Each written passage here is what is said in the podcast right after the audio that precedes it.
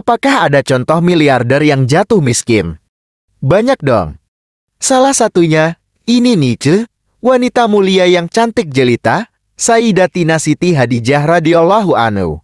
Pas baca pertanyaan, langsung ingat beliau, soalnya cocok banget. Hadijah itu, wanita yang sangat terhormat, bijaksana dan cerdas dari keluarga Quraisy yang terkenal dan kaya raya. Karena keturunan keluarga kaya raya, jadi dari kecil sudah biasa hidup bergelimang harta. Tapi walaupun tumbuh di tengah-tengah keluarga yang terkenal dan bergelimang harta, tidak menjadikan Hadijah sebagai sosok yang sombong. Justru keistimewaannya membuat dia rendah hati. Kita mulai ceritanya ya. Pernikahan Hadijah pertama adalah dengan Atik bin Aid al-Mahzume. Tapi Atik bin Aid meninggal saat umur pernikahannya belum lama. Siti Khadijah pun menikah kembali dengan seorang saudagar, Abu Halah bin Nabasyat Tabime, dan memiliki anak bernama Hidul dan Halah. Ada perbedaan dari beberapa literatur, ada yang menyatakan bahwa Atik bin Aid adalah pernikahan kedua. Tidak usah dipermasalahkan ya, kita fokus ke Khadijahnya. Almarhum bapaknya Khadijah pedagang Quraisy kaya raya, ditambah Abu Halang, seorang saudagar juga. Gimana Tun? Coba, gimana gak tajir melintin? Aneh, gak lama Abu Halah meninggal. Jadilah sebagian harta warisnya untuk Khadijah. Ruarer biasa. Eita, tapi jangan pikir Khadijah hambur-hamburkan uangnya sampai bangkrut miskin. Jadi begini, bro. Selain memang sudah keturunan keluarga kaya dan terpandang, kepandaian Khadijah dalam berdagang membuat kekayaannya bertambah hingga tidak mampu kita bayangkan. Di beberapa literatur disebutkan dua per tiga area Mekah adalah milik Siti Khadijah. Hampir seluruh saudagar di Mekah pernah berbisnis dengannya. Saking kayanya pernah Khadijah disebut sebagai Ratu Mekah. Para saudagar senang berbisnis dengan Khadijah karena sifat-sifat beliau yang mulia. Mereka terkesan dengan kejujuran, kedermawanan, dan sifat amanah Khadijah. Setiap yang berbisnis dengan beliau mendapatkan untung yang adil, tanpa sedikit pun dikecewakan, di zaman orang-orang sering berbuat jahat, berbohong dan curang dalam berdagang, tetapi tidak untuk beliau. Hebat nggak tuh, dari tajir melintin. Eh, orangnya juga pandai berbisnis lagi. Tambah tajir melintir-lintir. Banyak para saudagar kaya dan bangsawan Mekah tertarik dan berusaha meminangnya, namun tidak satu pun diterima. Selain kaya raya, Beliau juga banyak diberi gelar kehormatan, saking mulia ahlaknya. Perfect baget lah pokoknya. H2, jadi pengenangis, mengidam-idamkan wanita seperti ini. Sifat-sifat mulia yang dimiliki Khadijah membuat Khadijah diberi gelar-gelar kehormatan oleh penduduk Mekah. Gelar-gelar yang yang melekat pada dirinya adalah Atetahira wanita suci, Sayyidah Nisa Quraisy pemuka perempuan Quraisy dan Ummul Mukminin ibu orang-orang beriman. Gelar wanita suci didapati karena saat menjalankan bisnisnya, beliau selalu menempuh cara-cara yang cerdas untuk menjauhkan dirinya dari hawa nafsu. Pernah ada ceritanya begini. Jadi, walaupun beliau seorang wanita karir yang sukses, namun saat beliau bekerja dan memberi arahan kepada para pegawai laki-laki, beliau memberi arahan dari atas lotan. Hal ini semata-mata dilakukan untuk menjaga dirinya agar tidak berhubungan secara langsung dengan laki-laki. Nah, zaman itu, rumah-rumah di Mekah selalu mengadakan pesta, hiburan dan nyanyian. Salah satunya rumah Abu Lahab yang berdekatan dengan rumah Hadijah yang seakan-akan tidak pernah sepi dari pesta dan hiburan.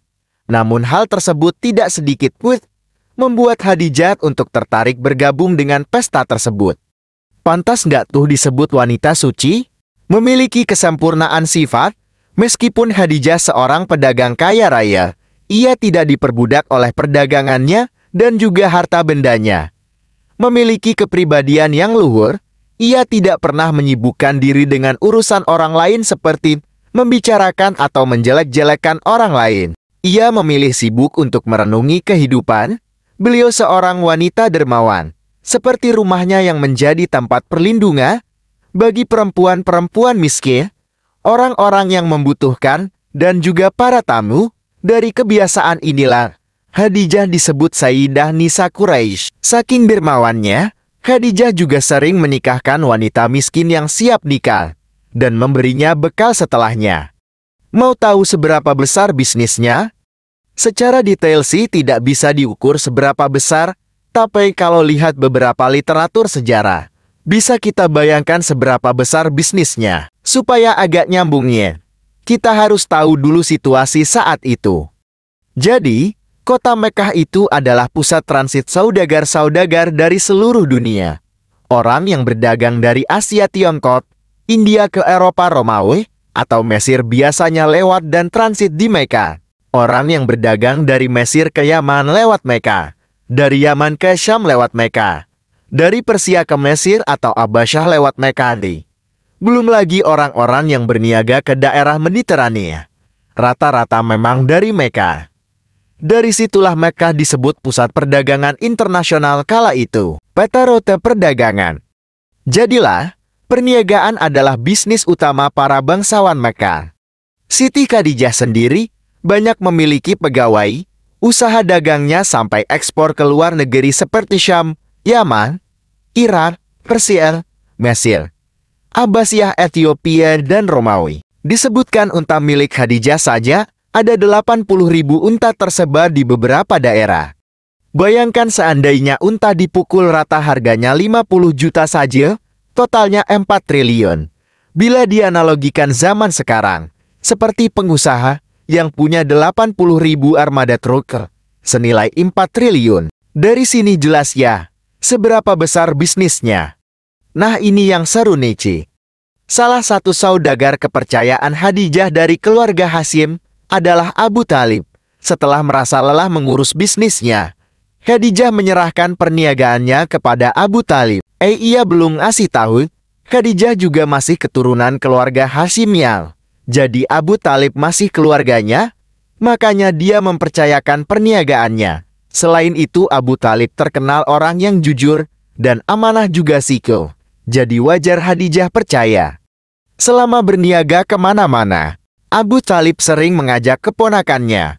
Perniagaan yang dijalankan oleh Abu Talib selalu menghasilkan untung besar.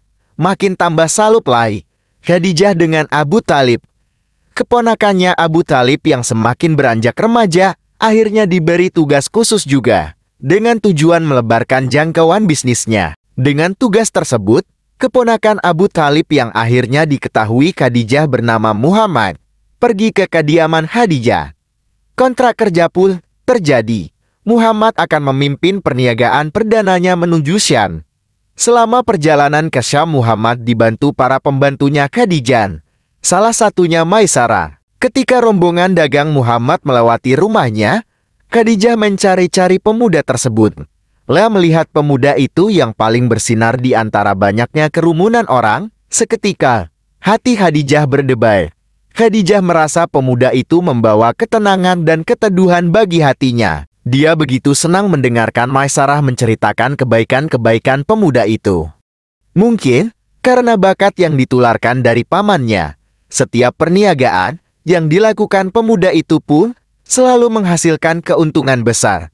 Bahkan dari seluruh pegawainya, pemuda inilah yang paling piawai berdagang. Pemuda ini mampu memuaskan para pelanggan, sehingga setiap pembeli akan melakukan repeat order, dikenal dengan pedagang yang jujur, amanah, sopan santun, menghormati pelanggan, tepat janji, dan tidak pernah menjual barang dagangan yang tidak layak jual. Semua transaksi yang dilakukan oleh pemuda ini dengan para pelanggannya selalu atas dasar sukarela.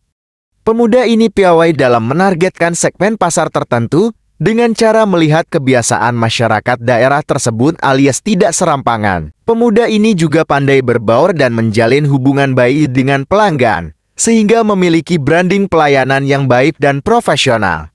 Saking dipercayanya oleh masyarakat, bahkan pemuda ini dijuluki orang terpercaya atau All Amin, dan banyak investor menanamkan modalnya kepada pemuda ini. Seiring berjalannya waktu, Khadijah makin kesamsam dengan keluhuran budi dan kepiawaian pemuda itu dalam berdagang.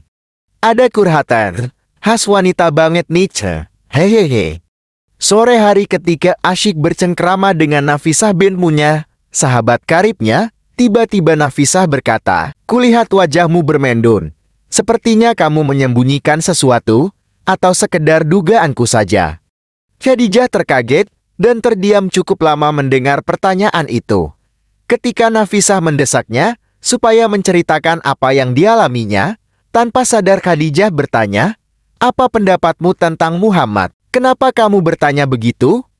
Apa pedulimu? Tetapi setelah melontarkan pertanyaan itu, Nafisah sadar apa yang sebenarnya bergolak dalam diri Hadijah. Sadar bahwa sahabatnya telah mengetahui apa yang tersembunyi dalam hatinya, Khadijah pun berani berbicara. Tapi, mana mungkin aku dengan Muhammad? Dia pemuda belia, dimuliakan di tengah kaumnya, bersih nasabnya. Sedangkan aku wanita berumur 40. 15 tahun lebih tua darinya, janda yang dua kali bersuami. Apakah mungkin ia mau menerimaku? Nafisah menjawab tidak, Khadijah. Meskipun umurmu sudah berkepala empat, di tengah kaummu kamu memiliki tempat terhormat, nasabmu agung. Kamu juga tampak muda dan kuat, dan jangan lupa, tidak sedikit orang yang melamarmu, membincangkanmu setiap hari. Tetapi mereka kamu tolak, tidak tahan melihat sikap Khadijah. Akhirnya Nafisah datang menemui Muhammad dengan maksud hati melamar Muhammad untuk Khadijah. Saat menemui Muhammad, Nafisah berkata Muhammad, Aku Nafisah bin Munya. Aku datang membawa berita tentang seorang perempuan agung, suci, dan mulia. Dia sangat cocok denganmu. Kalau kau mau, aku bisa menyebut namamu di sisinya. Muhammad terdiam, lalu bertanya, siapa dia? Nafisah menjawab, dia Khadijah bin Huwailid. Kamu tentu sudah sangat mengenalnya, karena Nafisah tergesa-gesa. Nafisah berkata tak perlu kamu jawab sekarang. Pikirkan dulu matang-matang. Esok atau lusa, aku akan menemuimu lagi. Ucapan Nafisah menimbulkan banyak pertanyaan bagi Muhammad. Nafisah telah datang membicarakan sesuatu yang tidak pernah terlintas dalam benak Muhammad. Bagaimanapun Hadijah adalah perempuan cerdas, nasabnya baik, terhormat juga kaya raya. Apa mungkin dia mau bersuamikan pegawainya yang belum berapa lama menjalankan bisnisnya itu? Muhammad awalnya ragu, namun setelah Muhammad mencari bukti-bukti dan mengingat kembali nada bicara Nafisah yang bening dan polos itu, Muhammad yaki, bila ia benar-benar utusan Hadijah. Muhammad pun membicarakan hal ini dengan pamannya dia ingin berembuk dengan saudara-saudaranya yang lain. Meskipun Khadijah diakui sebagai perempuan terpandang, terhormat dan disukai banyak lelaki Arab, tetapi perbedaan umur dan status janda Khadijah menjadi bahan pertimbangan. Setelah semua berkumpul, bermusyawarah, dan menimbang banyak hal, akhirnya diputuskan jika Muhammad akan segera melamar Khadijah. Problem selanjutnya adalah seberapa besar mahar yang harus dibawa untuk pernikahan.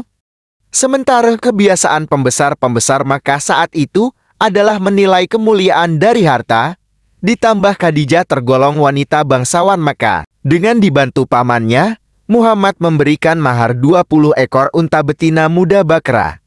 Well, dipikir-pikir, lumayan besar ternyata maharnya. Harga unta muda di tahun-tahun sekarang sekitar 50 JT per ekor.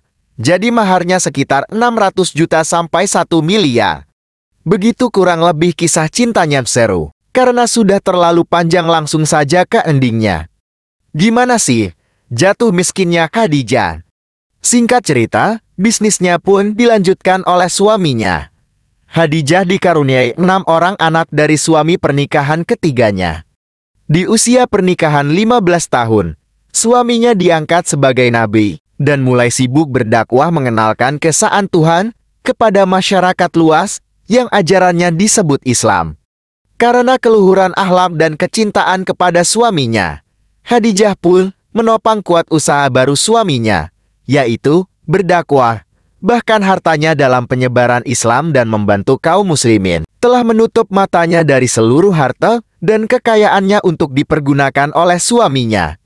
Suaminya menggunakan harta kekayaan Hadijah untuk menolong dan membantu orang-orang yang terbelit hutan serta menangani anak-anak yatim dan fakir miskin. Ini nih, ada momen di mana harta Khadijah benar-benar ludes. Ceritanya begini. Karena suami Khadijah menyebarkan Islam, kaum Quraisy sangat menentang, puncaknya mereka memboikot Bani Hashim dan Bani Muthalib dan seluruh pengikutnya. Kaum Quraisy selain Bani Hashim dan Bani Muthalib bersekongkol agar para pengikut dan pembelah suaminya dirugikan. Keputusan sepihak kaum Quraisy tersebut adalah larangan menikah dengan kedua suku tersebut Bani Hashim dan Bani Muthalib, larangan melakukan transaksi dengan mereka, larangan membuka jalan nafkah untuk mereka, larangan berdamai dengan mereka, dan membantu mereka, sampai pihak Bani Muthalib bersedia menyerahkan suami Hadijah untuk dibunuh. Bahkan keputusan sepihak ini ditulis dalam lembaran-lembaran dan digantung di Kabang. Jadi, setiap Bani Hashim dan Bani Muthalib dan partisipannya akan dikucilkan. Baik yang Islam maupun bukan Islam. Hingga mereka terpojok dan tinggal bersama-sama di suatu lembar. Setiap yang datang ke Mekah untuk membeli makanan, mereka harus membeli dengan harga dua kali lipat. Demikian pemboikotan terjadi hingga tiga tahun lamanya, sehingga banyak di antara kedua suku ini meninggal karena kelaparan dan penganiayaan oleh kaum Quraisy. Pemboikotan ini pun menjadikan harta kekayaan Hadijah habis untuk menghidupi Bani Hashim dan Bani Muthalib. Sedih ya, tapi ada yang lebih sedih nih. Pada masa pemboikotan inilah, Hadijah dan paman suaminya, yaitu Abu Talib meninggal. Saking miskinnya, saat meninggal Hadijah memakai pakaian yang penuh dengan jahitan. Bahkan untuk kain kafan pun tidak dia miliki. Detik-detik saat Hadijah merasa ajalnya semakin dekat, ia memanggil salah satu anak perempuannya, Fatimah Az-Zahra dan berbisik, Fatimah putriku, aku yakin ajalku segera tiba. Yang kutakutkan adalah siksa kubur. Tolong mintakan kepada ayahmu, aku malu dan takut memintanya sendiri agar beliau memberikan serbannya yang biasa untuk menerima wahyu, agar dijadikan kain kafanku. Mendengar itu, suaminya berkata, Wahai Khadijah, Allah menitipkan salam kepadamu dan telah dipersiapkan tempatmu di surga. Khadijah pun mengembuskan napas terakhirnya di pangkuan suaminya. Khadijah didekap dengan perasaan pilu dan sedih yang teramat sangat dari dari suaminya. Melihat air mata suaminya turun, ikut menangis pula semua orang yang ada di situ. Saat itu, malaikat Jibril pun turun dari langit dengan mengucap salam dan membawakan kain kafan dari surga. Suaminya berkata di dekat jasad Khadijah, Wahai Khadijah, istriku sayang, demi Allah, aku takkan pernah mendapatkan istri sepertimu. Pengabdianmu kepada Islam dan diriku sungguh luar biasa. Allah maha mengetahui semua amalanmu. Semua hartamu kau hibahkan untuk Islam. Kaum muslimin pun ikut menikmatinya. Semua pakaian kaum muslimi dan pakaianku ini juga darimu. Namun begitu, mengapa permohonan terakhirmu kepadaku hanyalah selambar serban? Innalillahi wa inna ilaihi rajiun.